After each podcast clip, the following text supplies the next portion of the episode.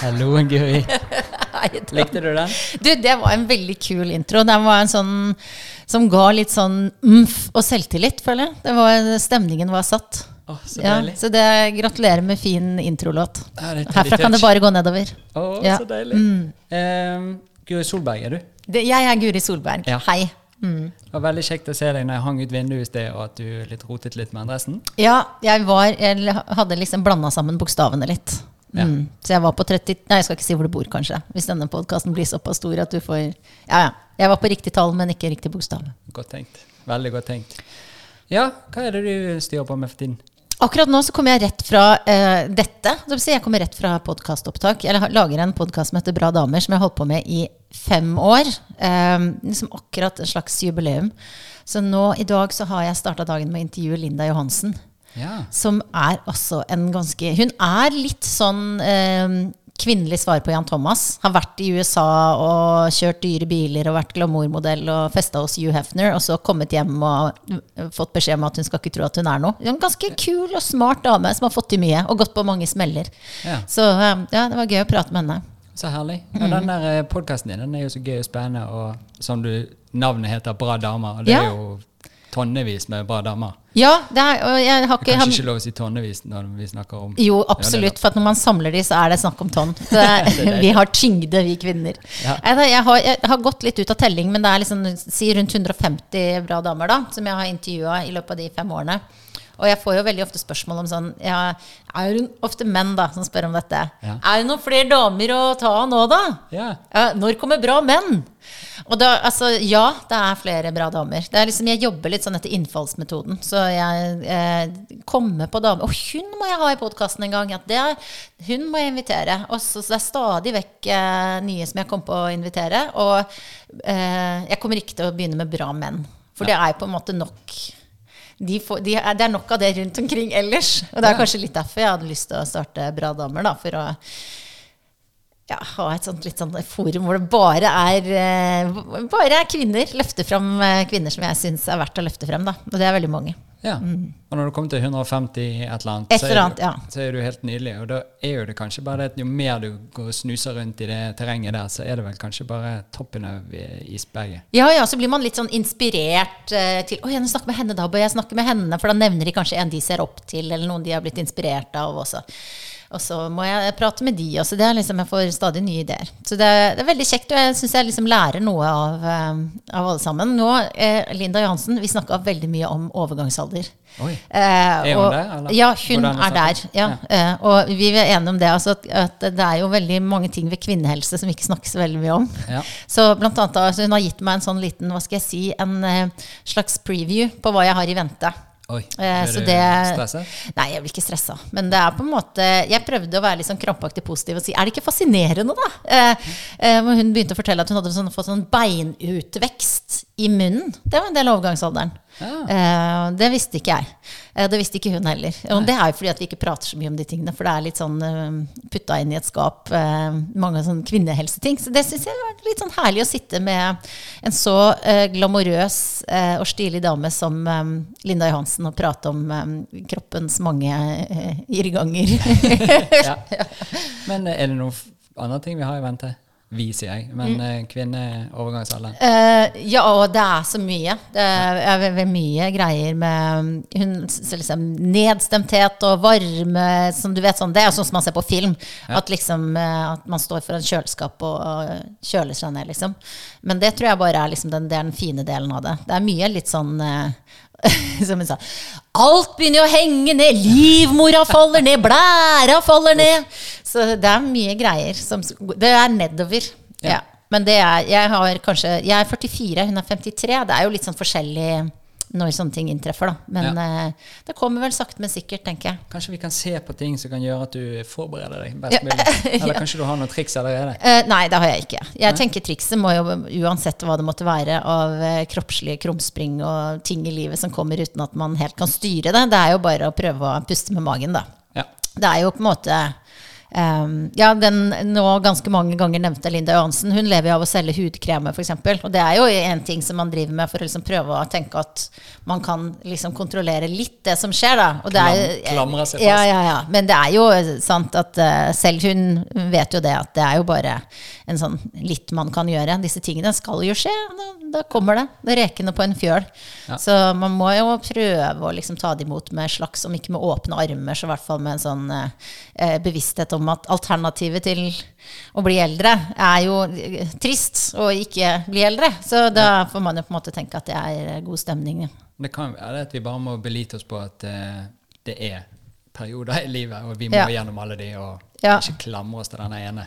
Ja, men det er jo alltid litt sånn vanskelig, i hvert fall når man står oppi det, kanskje. Men eh, det er jo noe vi alle kan minne, minne oss på innimellom. Husk nå, ta dette. Ta det imot. Ta det imot. Ja. Ja, ja. Men når, eh, når dette inntreffer og vi skal puste med magen, er du god på det? Jeg har øvd meg veldig mye på det, i hvert fall. Ja?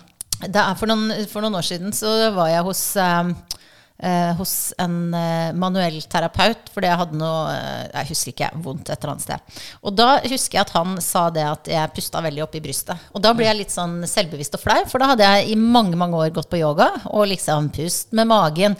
Og det er jo kanskje lettere når du sitter på en matte og er veldig fokusert på det sånn, men man trenger jo liksom å prøve å ta noen sånne gode magedrag også ute i livet. Det er kanskje der man trenger det enda mer, da. Ja.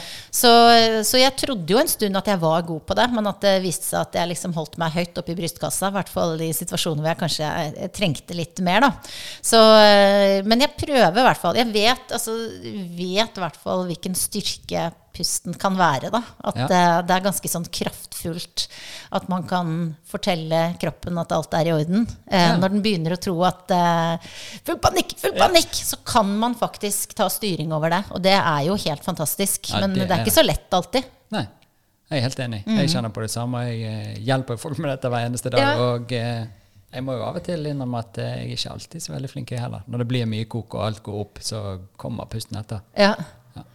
Men man kan øve seg på det, eh, og, og på en måte ja, kjenne igjen de situasjonene hvor, eh, hvor man trenger det. Det er jo liksom sånn, det er en sånn veldig sånn, eh, sånn konkret eksempel. Er, at jeg, jeg har ikke flyskrekk, men jeg syns det er ganske ubehagelig når det er turbulens. Ja. Det er liksom bare sånn, Da blir jeg sånn minnet på hvor koko det er at jeg sitter oppi der.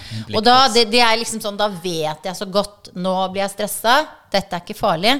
Eh, nå må jeg bare puste med magen. Så da er det liksom lettere. Men det er jo liksom i livet ellers så er det jo ikke alltid man klarer å identifisere de situasjonene. Liksom, å, nå må jeg huske å puste. Hvis man plutselig liksom, ja, sitter på trikken og egentlig alt er helt vanlig, eh, så er det jo kanskje litt vanskelig å minne seg selv på det. Men eh, nei, man kan trene seg på, det, på veldig mange Jeg ting. føler jo du har litt kontakt der, for du har jo ganske godt driv i snakkingen nå med mye pust, Ja, og ja, ikke bare sant. andpusten. Så det Ja, er jo et er eller annet positivt som skjer her.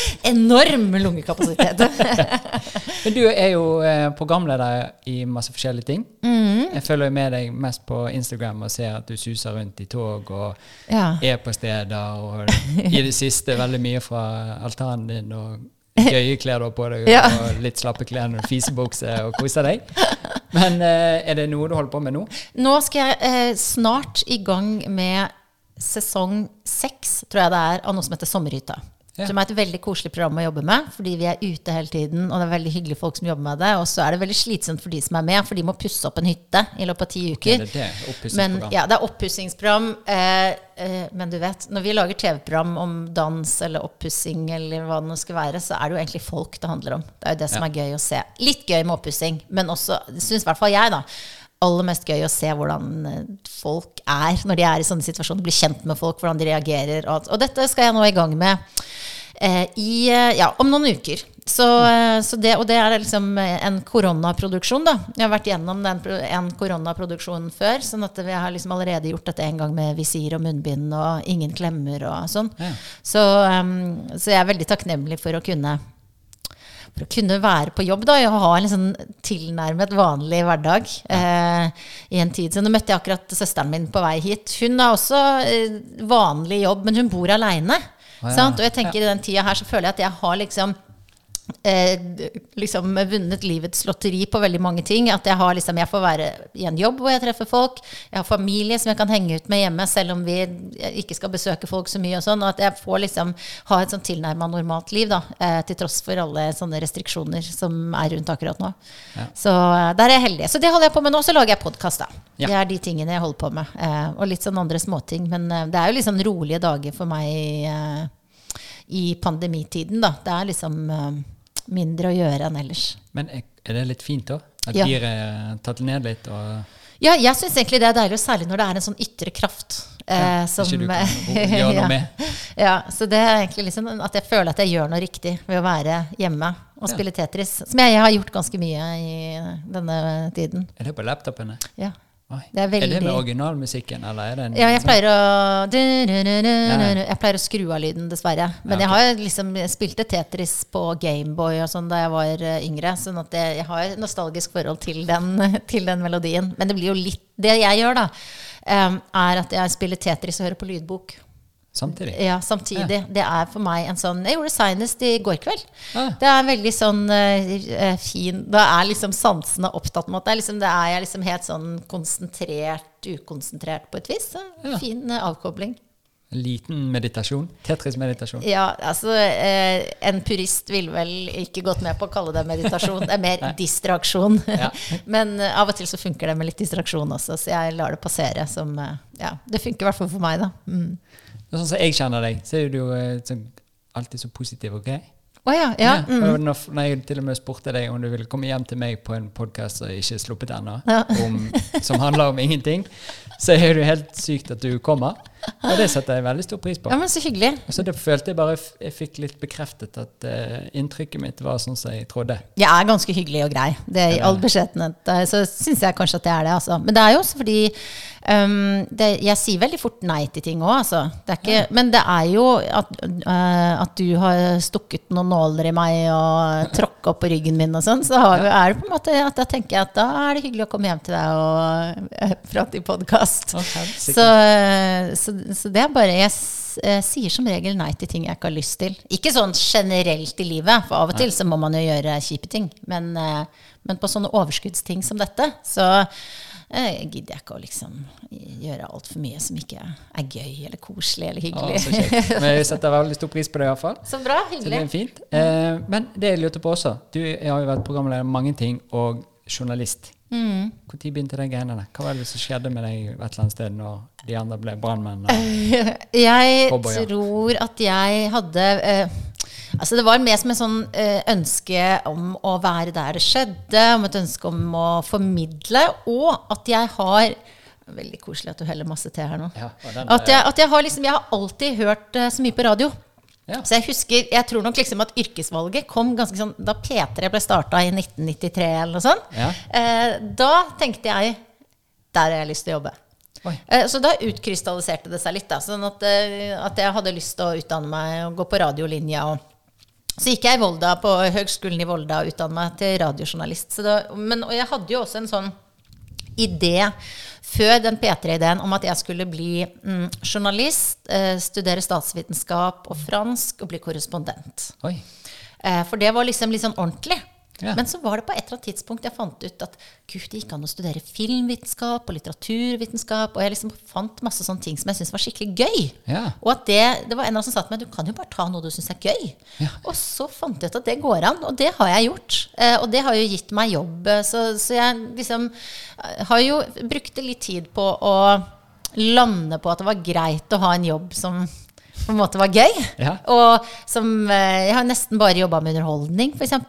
Um, eh, men at jeg har en veldig sånn stolthet i å gjøre det bra, da. Og at jeg Ja. tenker at det er, det er også viktig. At det, er, at det jeg holder på med, er viktig for folk, da. Eh, i- På en sånn liten, koselig måte. Og det, så det gjør at det føles meningsfullt. Men um, det har liksom bare Du vet, det er jo også litt sånn tilfeldigheter. Sant? Hva som ble den første jobben, og så gikk det videre derfra. Så, så, um, så det er litt tilfeldigheter. Men også liksom, jeg føler også veldig at jeg er på riktig sted, da.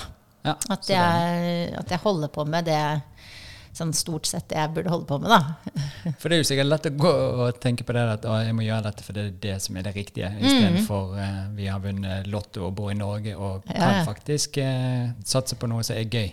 Ja, det er ikke helt sikkert det funker. Og så går du på trynet, og så er det et eller annet nett som plukker deg opp igjen. Uansett. Ja, ja, vi er ganske altså, det, Igjen, nå skal ikke jeg snakke så mye om korona, altså, men jeg tenker enda mer nå på hvor heldig jeg er. Ja. Hver eneste dag. Ja.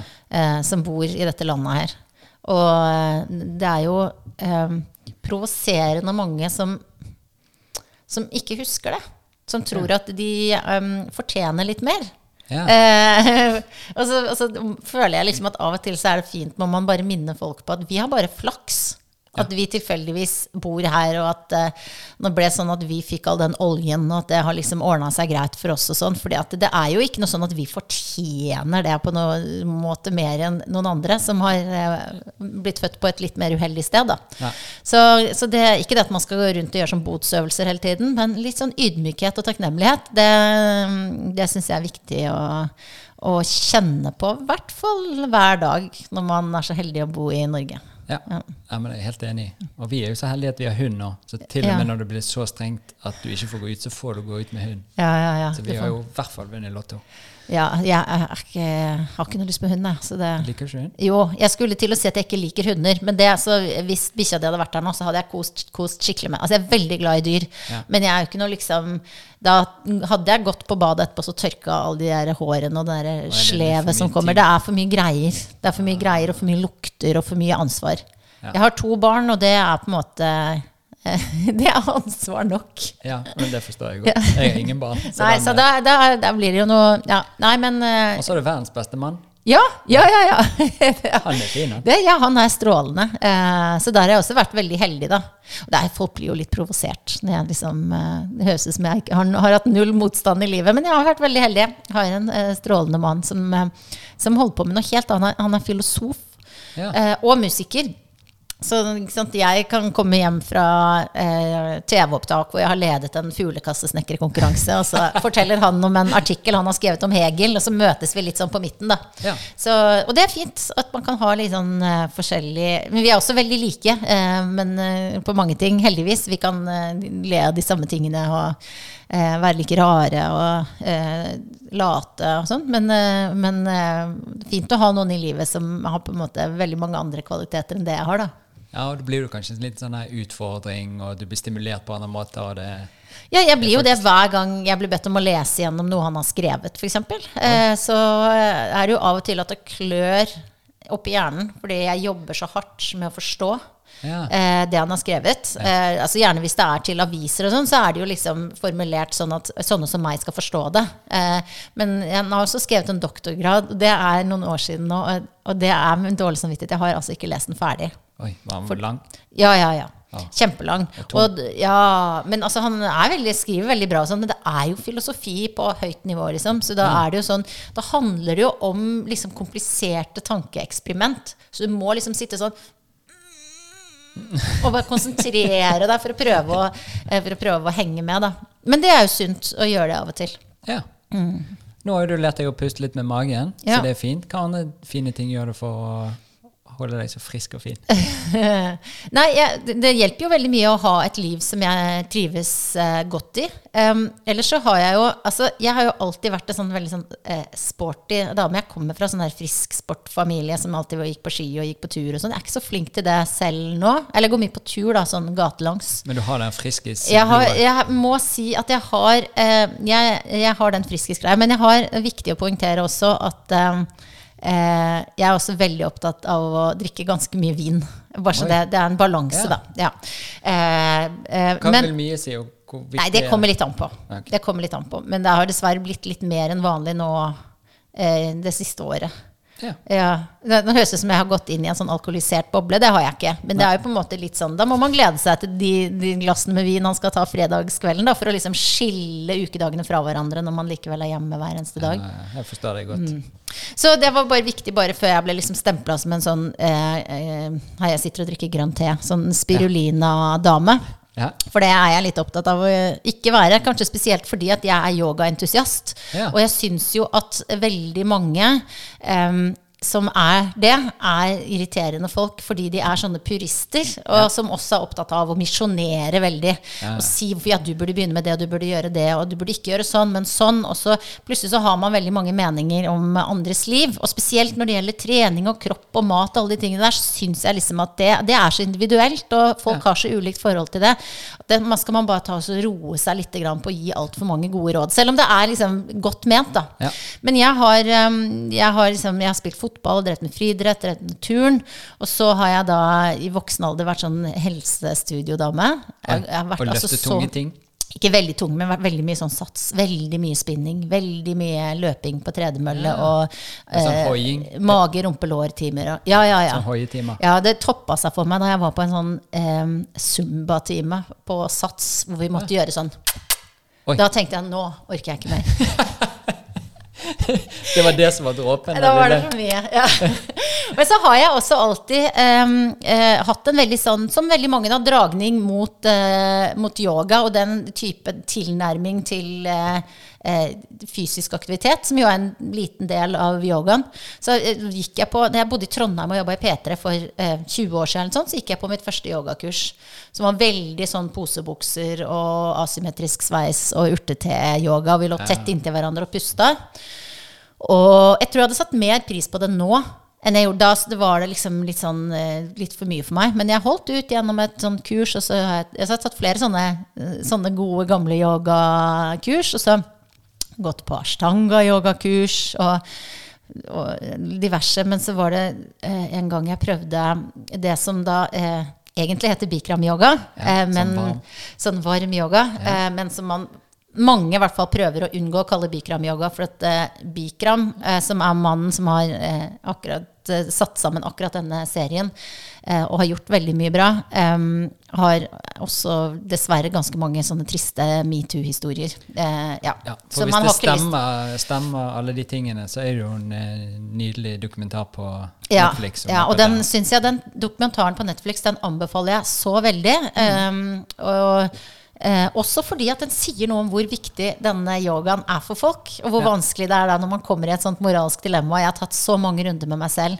Fordi at i en sånn situasjon, og som feminist og kvinne og alt, så er det sånn det er aldri noe tvil at jeg tror alltid eh, det ikke noe, altså Jeg tror disse kvinnene, og jeg syns det er helt selv om eh, altså Yogaverdenen dessverre er full av sånne historier med eh, mektige menn, eh, kvinner i en sårbar posisjon, og så er det mange sånne historier.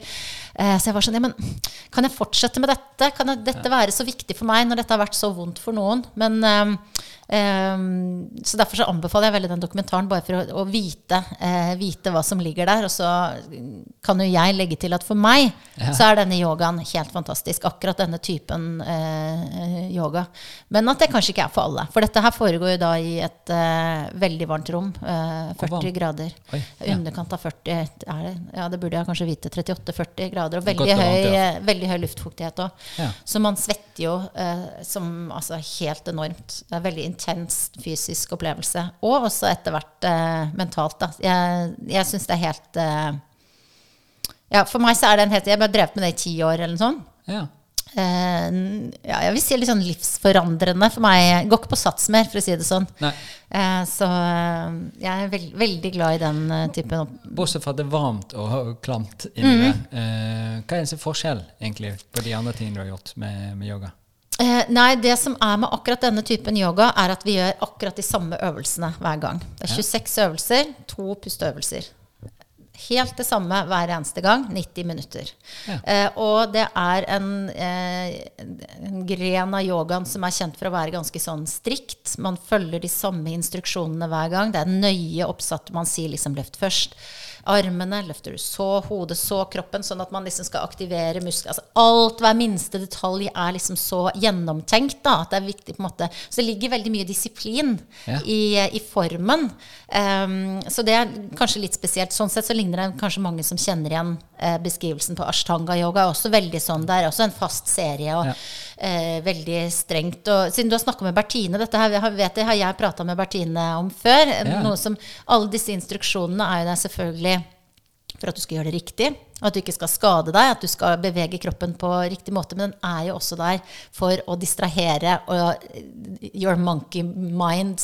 Ja. Så tankene ikke skal kunne eh, gå bakover. Hva skjedde da? Hva skal jeg ha til middag? Alle de greiene der. Men at du skal fokusere sånn på ok, eh, magen inn, stramme lårene, skuldrene ned. Du skal følge disse her sånn at Du er det- der hele du er tiden. der. Så det er en slags sånn tvungen mindfulness da, Ja. eh, som, som eh, er veldig fascinerende eh, når du liksom kommer inn i det. Eh, så for meg så funker det veldig bra. Er det sånn at du opplever at det blir en liten sånn frihet fordi det er så disiplinert? Ja. For meg så er det en enorm frihet i den disiplinen. Ja, Bare gjør det du får beskjed om, og så Ja. er alt greit. Ja, så, så det, er, eh, det er Det er jo ofte sånn at man eh, At man ligger, i hvert fall gjør jeg det, ligger ned eh, på matta før timen begynner. Og det er også sånn man avslutter i savasana, liksom dead body pose. Ja. Ja. Eh, og veldig mange som, eh, som sovner og sånn etter timen. Jeg har en tendens til å gjøre det før. Jeg ble helt sånn, og det, ja, rett før. Ja. Og da er jo, da er jo liksom foran, foran en treningsøkt eh, som jeg vet det er noe knallharde greier foran meg, men likevel, idet jeg kommer inn i rommet, så slapper jeg sånn av. Jeg bare kjenner at den varmen pakker meg inn. Ja. Eh, og så vet jeg jo på en måte at selv om jeg skal jobbe hardt, så har jeg på en måte lagt fra meg sånn ansvar, da. Ah, Eh, så da tror jeg da slapper jeg så enormt godt av. så nervesystemet bare pa. Ja, så, så det er helt Og så er det jo noe med at uh, gjennom å eh, hva skal jeg si, piske kroppen litt, da, for å sette Ja. det på spissen, så kommer man på en måte inn til Man kommer inn til sjela etter hvert. Ja. Lag på lag. ja, lag på lag. Skreller som en løk. Nei, men ikke sant, det ligger veldig mye i den derre Altså I begynnelsen, når jeg gikk der inn i det varme rommet ikke sant, det var sånn, Jeg var kanskje vant til å liksom åh, Du tar litt sånn hoftefeste, og jeg er sliten, eller du tørker svetten, og har liksom et sånt kroppsspråk som er veldig sånn Som jeg har fra fotballbanen eller treningsstudio. Ja, ja. Eller sånn, sånn jeg er vant til Eller åh, når det blir tungt og sånn. Men etter hvert, gradvis gjennom alle disse årene, så er det liksom ingen unødvendige bevegelser. Kun det som skal Du skal liksom helst ikke drikke engang. Det er vanskelig da. Ja. For egentlig så trenger du ikke vann. Du trenger bare å puste. Du trenger bare å puste.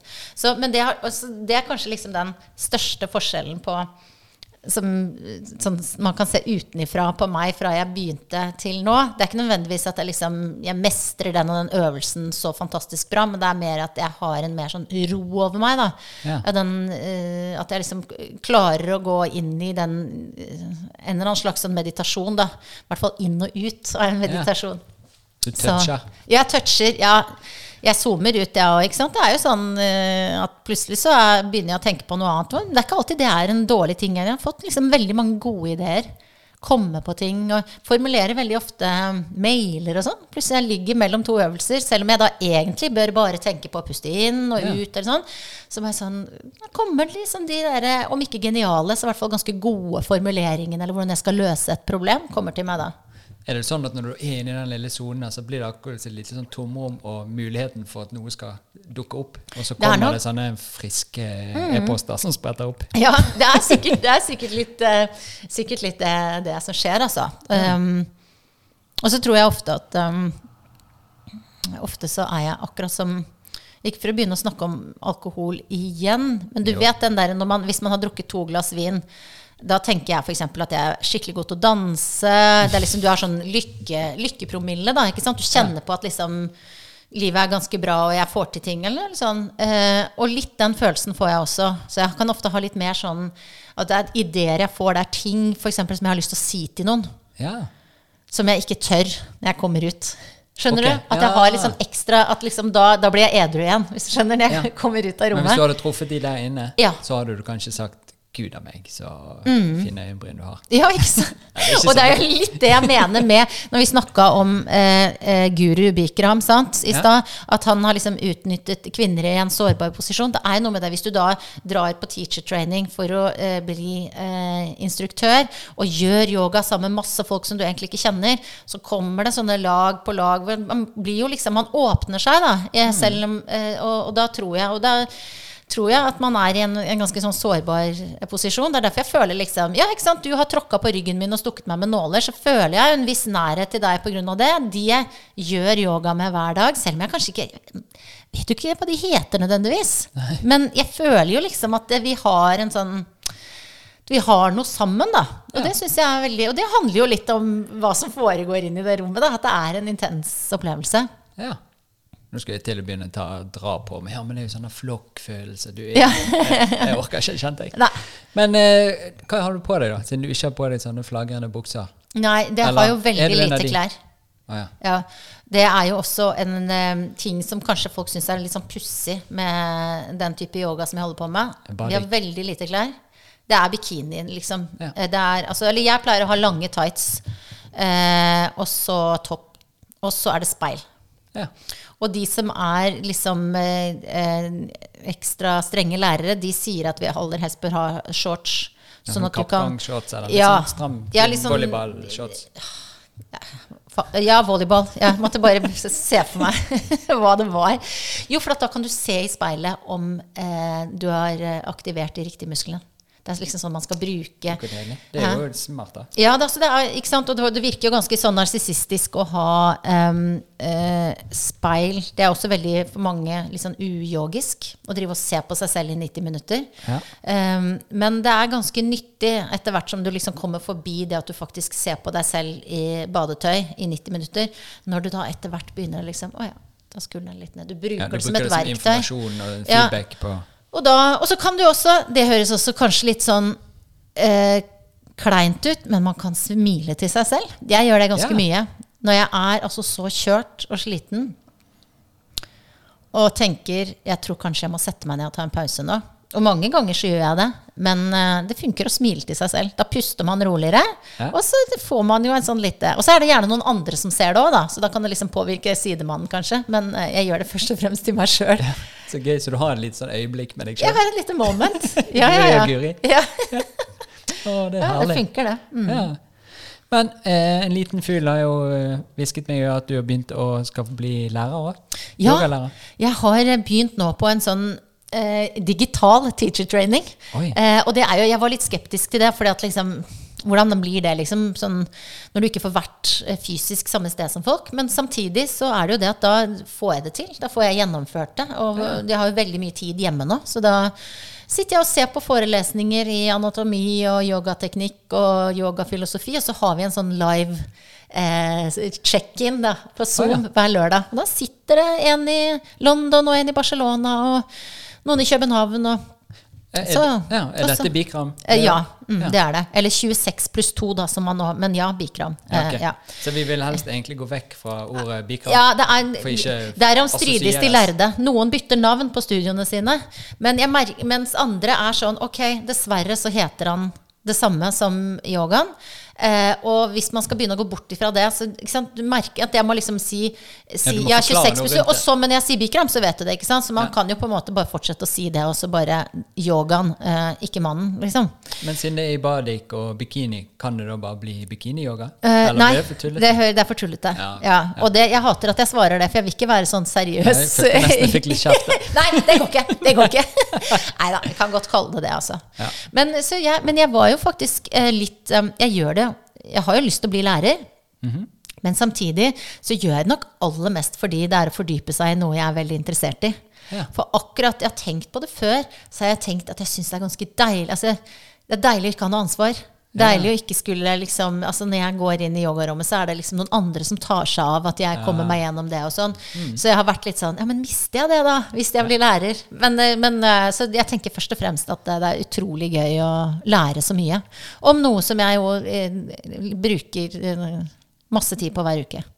Men er det sånn at du skal bruke dette til noe? Eller er det først og fremst bare gjøre det sånn at du har det, og så se hva, hva som skjer? Ja, det er vel litt det, men jeg tenker jo liksom at uh, Men det er ikke sånn at jeg skal uh, åpne studio eller uh, leave my day job, for å si det sånn. Men kanskje litt sånn at jeg kan undervise litt på det lokale studio, hvis, hvis jeg får det til, da. Ja. Så, så tror jeg det kunne vært fint. Kan du undervise litt her i Oslo på klinikken min? da? Ja, ja, ja. Da må du fyre opp, eh, fyre opp varmen, da. Åh, vi Ja. har jo sånne felles eh.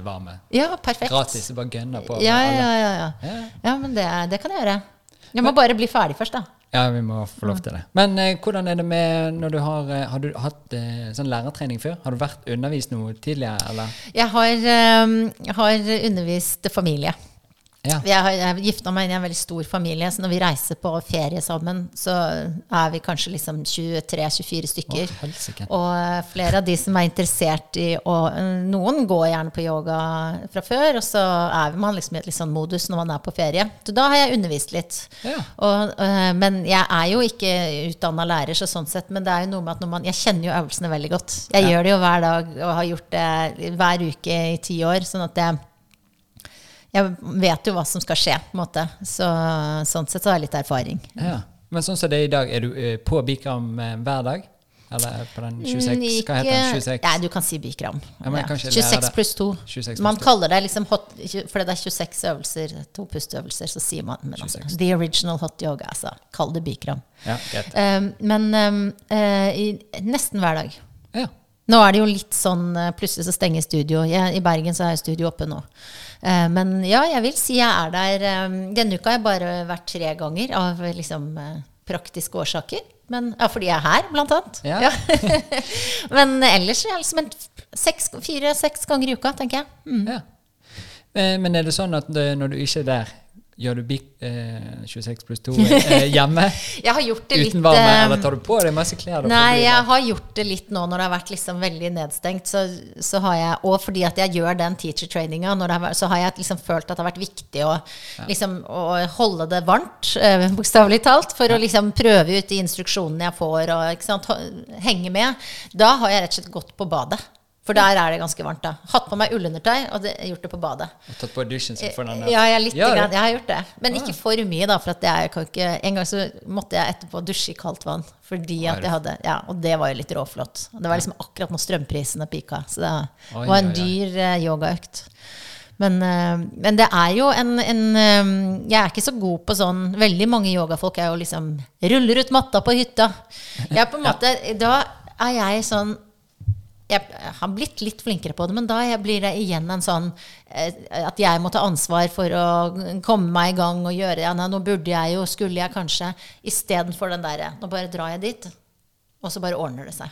Ja. Eh, så jeg er ikke så god på å liksom sånn hjemmepraksis som folk eh, snakker om. Jeg liker å dra et sted som er dedikert til det. Du sa jo også at du hadde den gode følelsen og litt det der eh, som å drikke seg til mot med, med ideer og sånne ting. Ja. Men hva er, er effekten etter du har vært der inne? Hva er det du kjenner etter du har vært? Da har du mistet du den, for når du da kommer Her er det en flue. Ja, det er en sånn liten bananflue. Ja. Eh, han gikk rett etter strupen. Men eh, er det da for at eh, når du har den der eh, vinfølelsen, så forsvinner den litt eh, ganske kjapt? Så når du da treffer folk, Men hva er det som fortsetter? Og, Nei, det er jo eller er det noe som fortsetter? Ja, det er absolutt noe som fortsetter. Og det, ikke sant, det som jeg Nå driver jeg jo og lærer hva det er som fortsetter. At Oi. det er jo på en måte at man starter en prosess øh, inni kroppen sin og gjør ting som gjør at effekten er jo på en måte Blodet surrer på, og det er liksom god stemning inni kroppen. Men man behøver ikke kunne så mye om det. Jeg kjenner jo bare at jeg har det bra, da. At, ja. at det er en en følelse Jeg er veldig glad i følelsen av å være sliten fysisk. Ja. Litt sånn at jeg har tatt i. Ja. Um, Du har gjort det, noe. Ja, det er derfor en sånn intens yogaform passer meg veldig bra. Uh, og så uh, har man svetta. Det liker jeg godt. En sånn letthet uh, som man får etter å ha vært gjennom en sånn svetteorgie. Og så er det Jeg sover bedre. Ja. Så du merker forskjell når du ikke har gjort det? Ja. 26 pluss 2? Ja.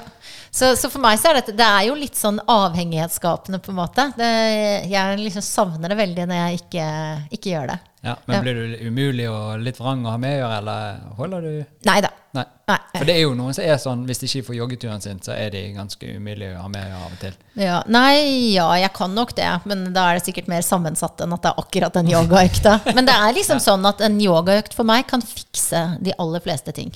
Ja. At jeg kan være ganske bedritent humør, eh, lei meg, sinna, et eller annet, sliten.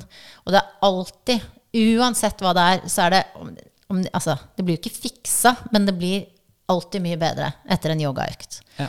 Så, og der har jo fra ting, kanskje. ja, og bare ja, det er liksom, og så er det et eller annet bare at liksom ting faller litt mer sånn på plass.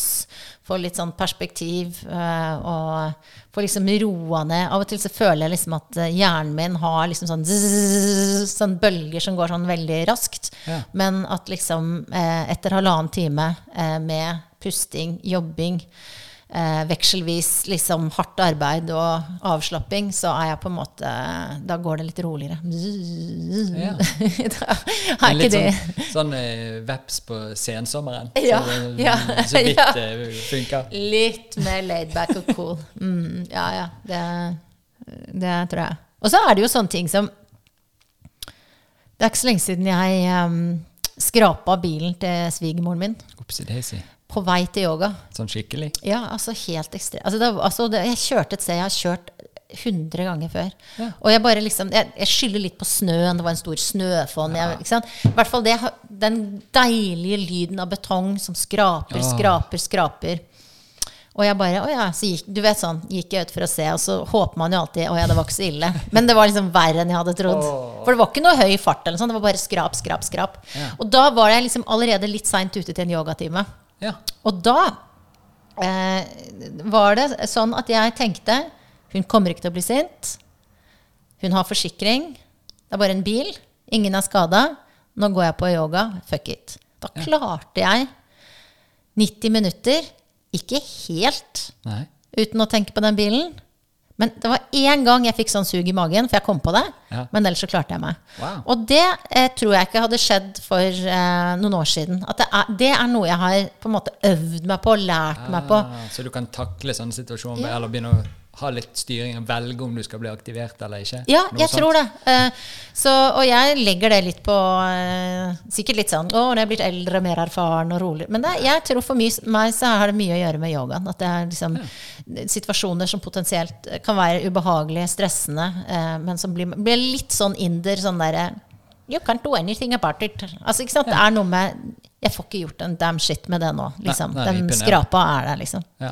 Kosta 16 000. Ja, det var akkurat det jeg skulle spørre. Men altså, jeg betal- Hun hadde forsikring eh, som jeg over, fikk overtalt henne til å bruke. For jeg Oi. bare sa, Du må jo bruke forsikringen din. Oi, er du den typen? Ja, ja men altså 16 000. Jeg betalte to, da. Det ble, så det var egenandel på 2000. Ja, ok. Og gjorde alt sånn, kjørte den til verksted og gjorde alle de tingene. Sånn at jeg var, til å være en klønete svigerdatter, så gjorde jeg liksom en god innsats for å gjøre opp for meg, da. Ja.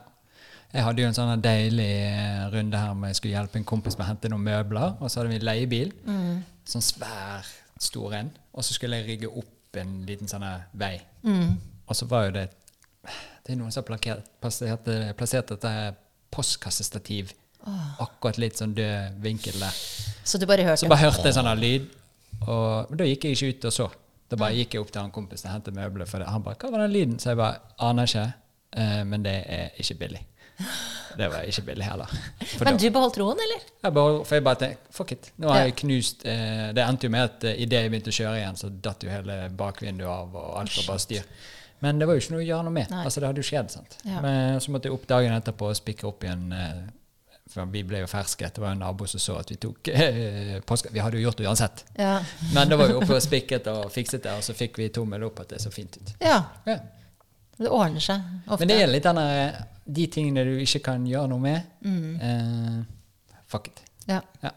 Og så er det nok andre ting vi kan gjøre noe med, og heller Absolutt. bruke energien der. Mm. Men når du lærer deg dette her Du har holdt på med yoga i ti år, Mm. så du er jo ganske god på dette her, vil jeg tro. Jeg har ikke sett deg, Nei. men uh, ord på Helt du- fantastisk. Ja. Altså, du skulle bare sett henne når hun gikk Altså, når hun går opp i den der buen, det er helt utrolig. Men eh, merker du da når du gjør eh, underviser de her eh, 20 familiemedlemmene dine, Mm. at du lærer noe mer? At du lærer noe Ja.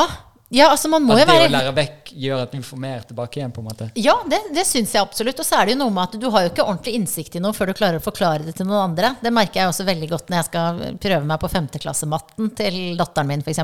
Det er jo ikke alt jeg har innsikt i der. For Det er ikke alltid jeg klarer å regne det ut heller, men uh, hvis jeg klarer det, så skal jeg forklare til henne hvordan man gjør det, f.eks. Ikke så lett alltid. Men så, så jeg, det er jo en sånn merverdi i det, på en måte. Å, å kunne videreformidle noe man kan. Um, så, men jeg føler jo liksom at jeg må lære litt mer før jeg kan bli sånn ordentlig lærer, da. Ja. Mm. Nei, men det er bare den der jeg tenker på, eller merker av og til når jeg skal forklare noen noe. Mm. Så plutselig så bare Akkurat som jeg skjønte noe mer. Ja, Fordi at jeg må finne en måte for at andre skal forstå det, og så plutselig har jeg fått noe mer info rundt det, og så kjennes det plutselig ut som jeg kan det bedre. ja, ja. ja, ja. Er det En den liten, følelsen? en liten bonus. Ja, jeg, jeg Eller bare prøver jeg å pakke på deg Nei, mine følelser. det jeg tror, Trond, er at uh, jeg kommer til å få den følelsen. Okay. Men at jeg kanskje ikke har liksom den Sånn jeg har undervist nå, så er det mer litt sånn på lavt nivå, da. Liksom sånn, eh, sånn at kanskje det blir litt mer At jeg får litt mer sånn åpenbaringer eh, etter hvert når jeg lærer meg det på ordentlig. Ja. Mm. Prøver du å, å flytte den koppen så langt vekk at du ikke får ja. mer te? ja. Men jeg har halv kopp, så jeg uh, Jeg elsker å skjenke. Han er. Mm. så tung, vet du. Så jeg får godt uh, trent skulder på ti. Ja, ja. Men det, det, var veldig Eller sånn te er jo ikke liksom Det er jo ikke godt. Nei. Det er lov å si det her i huset. Det er lov. Ja. Min søster liker jo ingen av teene jeg har. Men det gjør jo godt altså, Det gjør jo godt på en måte. Det er liksom Man venner seg litt til det. Det er ikke sånn blåmuggost eller misosuppe eller noe sånt. Det er på en måte litt sånn Ja, Du må bli Ja. vant. Ja. Ja. Nei, men det er jo deilig. Mm. Så ehm, denne yogagreien Mm. Jeg ser for meg den der posebukse-biten. Men Ja. nå er jo yoga blitt så stuerent at alle egentlig holder på med det. Ja da, og man, det er jo liksom Jeg har gjort mye yoga på sats og sånn eh, også, jeg. Så det er jo liksom det er jo, For mange så er jo yoga bare en eh, fysisk aktivitet. Ja. Eh, og det var det altså det var nok det som tiltrakk meg, i hvert fall den bikram-yogaen. sant? Så I første omgang liksom at det var en mulighet til å bli sterk og svette. og- Eh, og så har alle de andre tingene kommet etter hvert. Og nå som jeg liksom lærer å fordype meg enda mer i typ sånn yogahistorien, f.eks. Ja, for du gjør det. Eh, ja da. ja, Og eh, det er noe med Jeg skal ikke skryte på meg en sånn enorm innsikt, men det er noe med å hvert fall vite hvor, hvor i sammenhengen jeg befinner meg. da, at Hvem sine skuldre jeg står på. og så har du et liksom, eh, Hun ene læreren vår liksom viste fram en sånn, der, en sånn plansje som hun kalte et sånt yogatre, sant, med hele historien som går sånn 4000 eh, år siden i India. Sant? Og så er jo den den biten som jeg er på, som er liksom hatha-yoga, og så er det liksom bikram-yoga. Det er sånn bitte, bitte, bitte liten. Ja, en Eh, kvist liten kvist. Og så er det så mange andre forskjellige typer, eh, mens alt bygger på hverandre. ikke sant? Så hvis du går liksom på eh, sats på Bislett, så vil du jo liksom kjenne igjen ting som jeg holder på med, eller som de holder på med på et eller annet eh, ashram eh, et eller annet sted i Nepals eh, fjell. sant? Så alt eh, er jo litt forbundet med hverandre, og det også syns jeg er jo liksom jeg syns det er noe liksom fint å tenke på. da, At det er en, en, en liksom, noe som er større enn meg. At jeg er del av et eller annet som er er større enn akkurat et ønske om å komme i bedre form. Fordi at eh, yoga, eh, yoga som en fysisk eh, trening er jo bare sånn bitte liten del av det. Ja. Den, den, håper å si, den opprinnelige yogaen handla om å, å sitte i ro og puste og prøve å meditere. Sant? Ja. Så, så har den der fysiske biten eh, kommet etterpå. Ja, Men gjør du det i tillegg? Sitter og mediterer litt? Mm, jeg prøver. Ja. Jeg er um, Jeg har jo liksom gjort som veldig mange andre, liksom lasta ned Headspace og prøvd meg på den og I Mindfulness. Jeg tror jeg har liksom fire-fem forskjellige sånne apper. Um, jeg syns det er ganske vanskelig. Har du gjort sånne mantragreier at du sier ting og styrer? Jeg har prøvd det også, ja. Ja. Mm. Men jeg har nok ikke brukt liksom nok tid på det. Og så har jeg liksom vært litt sånn sint på meg selv fordi at jeg ikke har vært tålmodig nok til det. og sånn. Men akkurat nå så har jeg liksom slått meg litt til ro med at min meditasjon den er liksom sånn 90 minutter aktiv meditasjon i det der yogarommet. da. Ja. Um, um, og at jeg kanskje liksom fortsatt må jobbe litt med, med roen um, til å sitte helt stille. Ja. Uh, og, og bare tenke på én ting. Men uh, jeg øver, øver meg på det. ja, men det er ja. fint. Men hva andre triks har du oppi ermet? da? Du liker å gjøre yoga. Hva andre ting som gjør deg glad, så du gjør hver eneste dag for at uh, du skal ha det så fint? Stå opp tidlig. Hva, Jeg står opp, um, jeg står opp halv syv hver dag. Ja? Eh, og det er eh, Jeg skulle gjerne ha sovet lenger. Eh, det er ikke det at jeg liksom spretter opp full av piff da. Jeg er trøtt, liksom. Men eh, da har jeg nesten en time før resten av familien står opp. Deilig. Og det er altså Jeg er veldig glad i frokost. Jeg er veldig glad i morgenen, liksom før alt starter. Eh, lager meg kaffe, leser avisene. Har liksom bare sånn rolig start på dagen, da. Det er veldig det er jeg veldig glad i. Ja, og, jeg, og jeg er i det hele tatt veldig glad i mitt eget selskap. da. Jeg er jo litt sosial og sånn, men jeg setter veldig pris på Sånn, ja, meg selv. Jeg setter pris på tid aleine. Ja. Um, og koser meg veldig med det. Så, så det, er, det tror jeg jeg kan si at jeg gjør nesten hver dag. Litt sånn eh, god start på dagen. Rolig start på dagen. Og når du da sitter og leser avisen, begynner du på, fra første side, og så blar du deg bak, eller har du spesifikke deler av den du liker Ja, ja, ja, best? Finansbiten? Eh, jeg leser BT om morgenen. Ja. Da leser jeg alltid nøye Jeg pleier å lese lederen og kommentaren. Så de to første sidene de føler jeg liksom at jeg må lese. Og så er det mye blading bakover. Jeg gidder f.eks. ikke å lese alle sakene som nå er om eh, det russiske oppkjøpet av Bergen Engines. Liksom. Jeg føler jeg vet hva det går i. Orker ikke mer detaljer nå. Bla videre. Så det er mye litt sånn overfladisk. Blar veldig fort forbi sportssidene. Jeg vet ingenting eh, om brann, f.eks. Eh, jeg falt litt av den. ja, det, og det er jo på en måte litt sånn eh, Ja, jeg burde jo kanskje liksom følge litt, men jeg, og det, nå vet jeg at det har vært uh, ski-VM. Ja, Ja, nei, jeg har ja. ikke følt Nei, så jeg er på en måte liksom Det er ikke det at jeg ikke er glad i sport, men jeg bare liksom klarer å skru av det engasjementet. Det er så mange andre ting. Så det blar jeg forbi. Ja. Så kommer jeg på kultursidene, som jo på en måte er liksom mitt sånn hovedinteressefelt. Er det noe fres der for tiden? Ja, det er sånn Nå i går så var det um, rekordoverskudd på Kode. Og så var det han der museumsdirektør Men Kode er liksom museum i Bergen, da. Eller museum, flere museer. Så sto han liksom mellom noen sånne gamle krukker og noe greier. Og da, men da var, det orka jeg ikke. Jeg ble glad på hans vegne. Fint. En gladhistorie i Kultur-Norge. Ikke så mange av de nå om dagen. Eh, men, eh, men kultursiden er kanskje det liksom, i hvert fall i utgangspunktet da, leser med mest iver. For da er det gjerne så er det kanskje noen jeg kjenner. Skjønner du? Litt sånn. Ja. Ja, ja, ja. Men Leter du etter folk som du vil ha inn i podkasten din? Eller Eh, kommer ja. de litt av seg sjøl? Av og til så leter jeg. Hvis det er litt sånn Å, gud, nå burde jeg jo lage en ny snart. Da, da er jeg litt sånn aktiv leting. Eh, liksom, eh, og særlig siden jeg bor i Bergen, eh, og gjerne liksom eh, Der er gjestetilfanget litt mer sånn begrensa når det gjelder kjente navn. Og så vet jeg at liksom innimellom så må jeg ha noen som er ordentlig kjente, for å liksom holde piffen og interessen oppe. Selv om det er vel så interessant å intervjue folk som ikke er så kjente. Så da er jeg sånn Ok, ja, de skal på turné, hun er i Bergen, da kanskje jeg kan spørre, har hun tid? Altså, da sitter jeg litt sånn. Men stort sett så er det jo bare sånn at det kommer, eh, kommer til meg da. Ah, hun må jeg spørre. Da må jeg høre. Eller noen som eh, mailer meg og tipser, eller foreslår seg selv. Kan jeg få eller, komme? Kan jeg få komme? Ja, ja, ja. Det er mange som gjør det. Å, det er ja. Det er litt hyggelig, det, egentlig. Selv om jeg ofte tenker Nei. Nei, uff, det gjør jeg ikke. Og nå ble jeg, jeg har dårlig samvittighet for de som Jeg har tenkt det noen ganger, da. Nei, jeg tror ikke det. Nei. Men er det sånn, eh, for i- i starten så sa du at eh, du er veldig flink til å si ja til ting du syns er gøy, og så sier du nei til en del Mm. ting. Sier du det sånn? Mm, Nei. Ja. Eller sier du nei? Eller hvordan sier du nei? Jeg sier nei. Ja, mest den siste versjonen. Jeg sier hyggelig nei. Men jeg har lært meg at jeg ikke behøver å forklare folk. Ja. For ofte så er det jo liksom sånn eh, Og det syns jeg ikke alle er så flinke til. Sånn, hvis du kan si sånn Skal vi møtes på fredag? Nei, for nå er det litt vanskelig, for nå skal ungene bort der, og så er mannen min sånn. Så, og så blir jeg sånn Ok, da tar vi det en annen gang. Det er liksom går an å bare si nei, dessverre passer ikke. Og Ja. samme gjelder når jeg blir spurt om jeg har lyst til å stille opp i en anket for å si hva jeg synes om de siste restriksjonene som kom fra Raymond Johansen. Da sier jeg eh, takk for hyggelig mail. Ja. Jeg står over.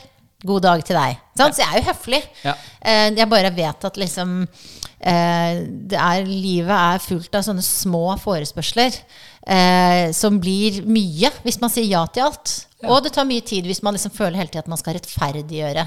Journalister for eksempel, blir bare veldig glad for et raskt svar. Ja. Mye viktigere enn. Ja, sånn, Ja. så jeg bare sier nei. Beklager. Lykke til. Det er kjempegøy for journalistene å bare få nei. Nei. Ja, så kan de skrive det. Av og til så, skri og så skriver jeg sånn 'lykke til', og så må jeg bare liksom lese gjennom det jeg har skrevet. for å se, altså Jeg vil jo ikke at det 'lykke til' skal fremstå som sånn passivt aggressivt. Jeg, lykke til! Ja. Det er, jeg vil jo på en måte være støttende overfor um, Presse-Norge. Eh, der, det, der det passer seg, i hvert fall. Mm. ja. Men jeg, ja, det er vel litt sånn at eh, når man bare er presis, er det greit. Ja. Eh, presis i svar og presis i hva man vil, og de tingene, så slipper man å lure eller eh, lage noe mer nummer ut av det. Ja, Det gjelder i hvert fall å prøve så godt man kan. Ja. Selv om det er jo av og til at man Det er, eh, hjelper jo å være litt ullen. Hvis man, synes det er, litt- hvis man er litt konfliktsky eller, eller ja, syns ting er vanskelig. Jeg har, jeg har en kompis som av og til bare, når det er litt sånn ubehagelig samtale, så sier han ingenting. Mhm. Så snur han seg litt, og så bare går han litt i en ring. Bare ja. late som det ikke er noe. Oi, Funker. jøss. Ja. Da slipper han å bli aktivert eller noen ting, og så kommer han seg ut av det. Hva den andre syns om det, er ikke jeg helt sikker på. Ja, for da blir jeg litt sånn Ja, jeg syns det er veldig bra for han, men jeg hadde blitt litt irritert hvis jeg var den andre. Ja, altså, for det er jo litt sånn eh, Ofte så blir jeg misunnelig på f.eks. Jeg tror liksom det gjelder min mann, men det gjelder spesielt Jeg tror det gjelder generelt de fleste menn. F.eks. evnen til å zoome ut. Ja. Sant? Hvis man har små barn eller bikkje som du har, eller et eller annet, noe som krever oppmerksomheten, men likevel så sitter da f.eks. filosofen hjemme og leser. Ja. Eh, og det, synes, det er noe jeg er misunnelig på han for. Beundrer det. Men det at én kan zoome ut, fordrer jo at den andre er til stede. I hvert fall når det er liksom barn med i bildet, eller, og det er noe potensielt Stearinlys. sånn- Ja, stearinlys eller et eller annet. Mamma, mamma! Sånn at det er jo liksom eh, men, men man lærer seg etter hvert, og det har jeg Jeg hadde strevde veldig mye med sånne sosiale situasjoner før hvor jeg følte liksom at jeg måtte ta som ansvar. Ja. Ansvar for at det skulle være god stemning, og ansvar for å holde praten i gang, og du vet, alle sånne ting. Eh, men så gjør jeg jo litt sånn som kompisen din, da, om jeg ikke demonstrativt går rundt i ring. Men så er det jo bare veldig deilig å kjenne at det er faktisk lov å bare lene seg tilbake, og så kan noen andre, da. Men det er jo noen andre som må ta den, for det kan jo liksom Noen. Det bør jo være noen. Noen må ta ansvar! Denne, er litt ubehagelige følelsen som henger i lufta sånn eh, Åh, ja. ja, men det er deilig i hvert fall å skjønne at man ikke alltid må gjøre det. Ja. Mm. Er det noen andre sånne supertips du har gjennom dagen som du passer for deg? Eh, for sitter du, når du sitter og leser avisen, er det i morgenkoppen? ja, Ja. det er morgenkoppen. Kuk og deilig, for Ja. da føler du deg litt rik og Ja, ja, ja. Og jeg har sånn eh, karamenju. Eh, sånn er det? flis eh, Nei, det er bare sånn, sånn spa-aktig merke, tror jeg. Oi. Med sånn morgenkoppe. Det er fantastisk ærlig. Eh, veldig, eh, veldig myk og god. Men et annet tips jeg har, som jeg skal benytte meg av nå etterpå også, det er å gå. Altså ikke selvfølgelig fordi at det er fysisk aktivitet når man går hit og dit og sånn, men det er også som for eksempel Det gir deg litt sånn pause mellom slagene. Hvis du skal fra én ting til en annen, eh, istedenfor å hive seg i en taxi, eh, gå på trikken, komme seg fra sted til sted på raskest mulig måte, så er det fint å gi liksom både kropp og hjerne litt sånn pause ved å kunne gå og bruke da 20 minutter eller kanskje enda mer på å komme seg fra et møte til et annet, f.eks. Eh, og det, eh, så det gjør jeg så ofte jeg kan. At jeg går. Uh, og da blir det som potensielt kan være en ganske stressende dag, blir litt mindre stressende. For da har du liksom laga sånne pauser innimellom. Det funker veldig bra for meg. Ja. Og Er det- som pendler, det lønner seg nesten aldri å skynde seg for å rekke et tidligere fly eller tog. Nei. Det er nesten mye bedre. Alt du kan gjøre i litt sånn urolig tempo, Ja. er veldig bra. Ja. Fordi at hvis jeg f.eks. kommer hjem en time før, da Det er ofte ikke så mye, en time. Og har litt sånn høy puls og er litt sliten fordi jeg måtte løpe til flytoget, og det var egentlig ganske hektisk. Da er det bedre heller, da er det heller bedre at jeg kommer hjem tre timer seinere med litt sånn mildere stemme og ikke så høy puls. Det er jo et supertips. Ja. Og det er jo sikkert eh, veldig mange av oss kan lære noe av. Mm. For det er jo denne 'å, jeg vil bare hjem'. Ja, Og så må man styr. tenke til hvilken pris. Riktig. Ja. Gikk du opp til meg nå i sted, eller Ja. tok du en boy? Jeg gikk. Ja. jeg, jeg var på liksom Jeg har ikke gått sånn megalangt, da. Nei. Eh, Men allikevel, jeg gikk, ja. Ikke, ikke på trikken eller noen ting. Så, og jeg skal gå videre etterpå. Ja. Mm, så det er fint. Jeg setter så stor pris på at du kom på besøk. Og nå er stearinlysen snart brent ned. Mm. Ja, ja. Og det er liksom adventskalendergreien. Da er det ferdig det når de er nede. ja. Og jeg har drukket opp den deilige teen. Altså, den er god. Ja, sant, den ja, er den- det gjør godt. Og det hadde vært veldig bra hvis jeg skulle på denne meget omtalte yogaen i dag. Så hadde det vært veldig bra, for nå er jo væskebalansen helt på tjobing her. Det Og er, nå kan det smaker kanskje vin enda bedre. Men jeg tenkte jeg skulle, skulle vente til I dag er det jo bare tirsdag. Ja. Vente til fredag med å drikke vin. Ok. Ja. Ja, ja. Bare for å liksom Tiden er flyger jo da er det helg. Men kan du da gå i morgenkåpe?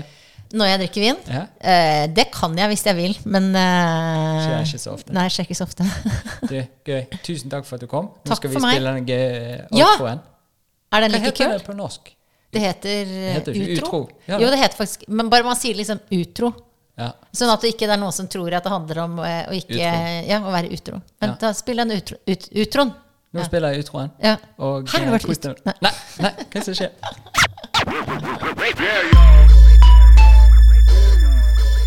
Så deilig. Vi kommer inn på litt uh, helseting. vi. Kjempekoselig. Veldig, veldig. Ja, bare folk ikke blir lei av deg det, nå var dette her jo en setting hvor det var greit. Veldig fint. Og eh, hvis det skulle være sånn eh, du er i Oslo igjen og har lyst til å snakke med.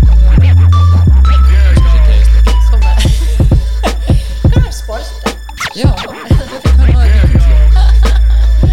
oi, det var veldig kjekt. Nei, men så kjekt å få dykket litt inn i det, da.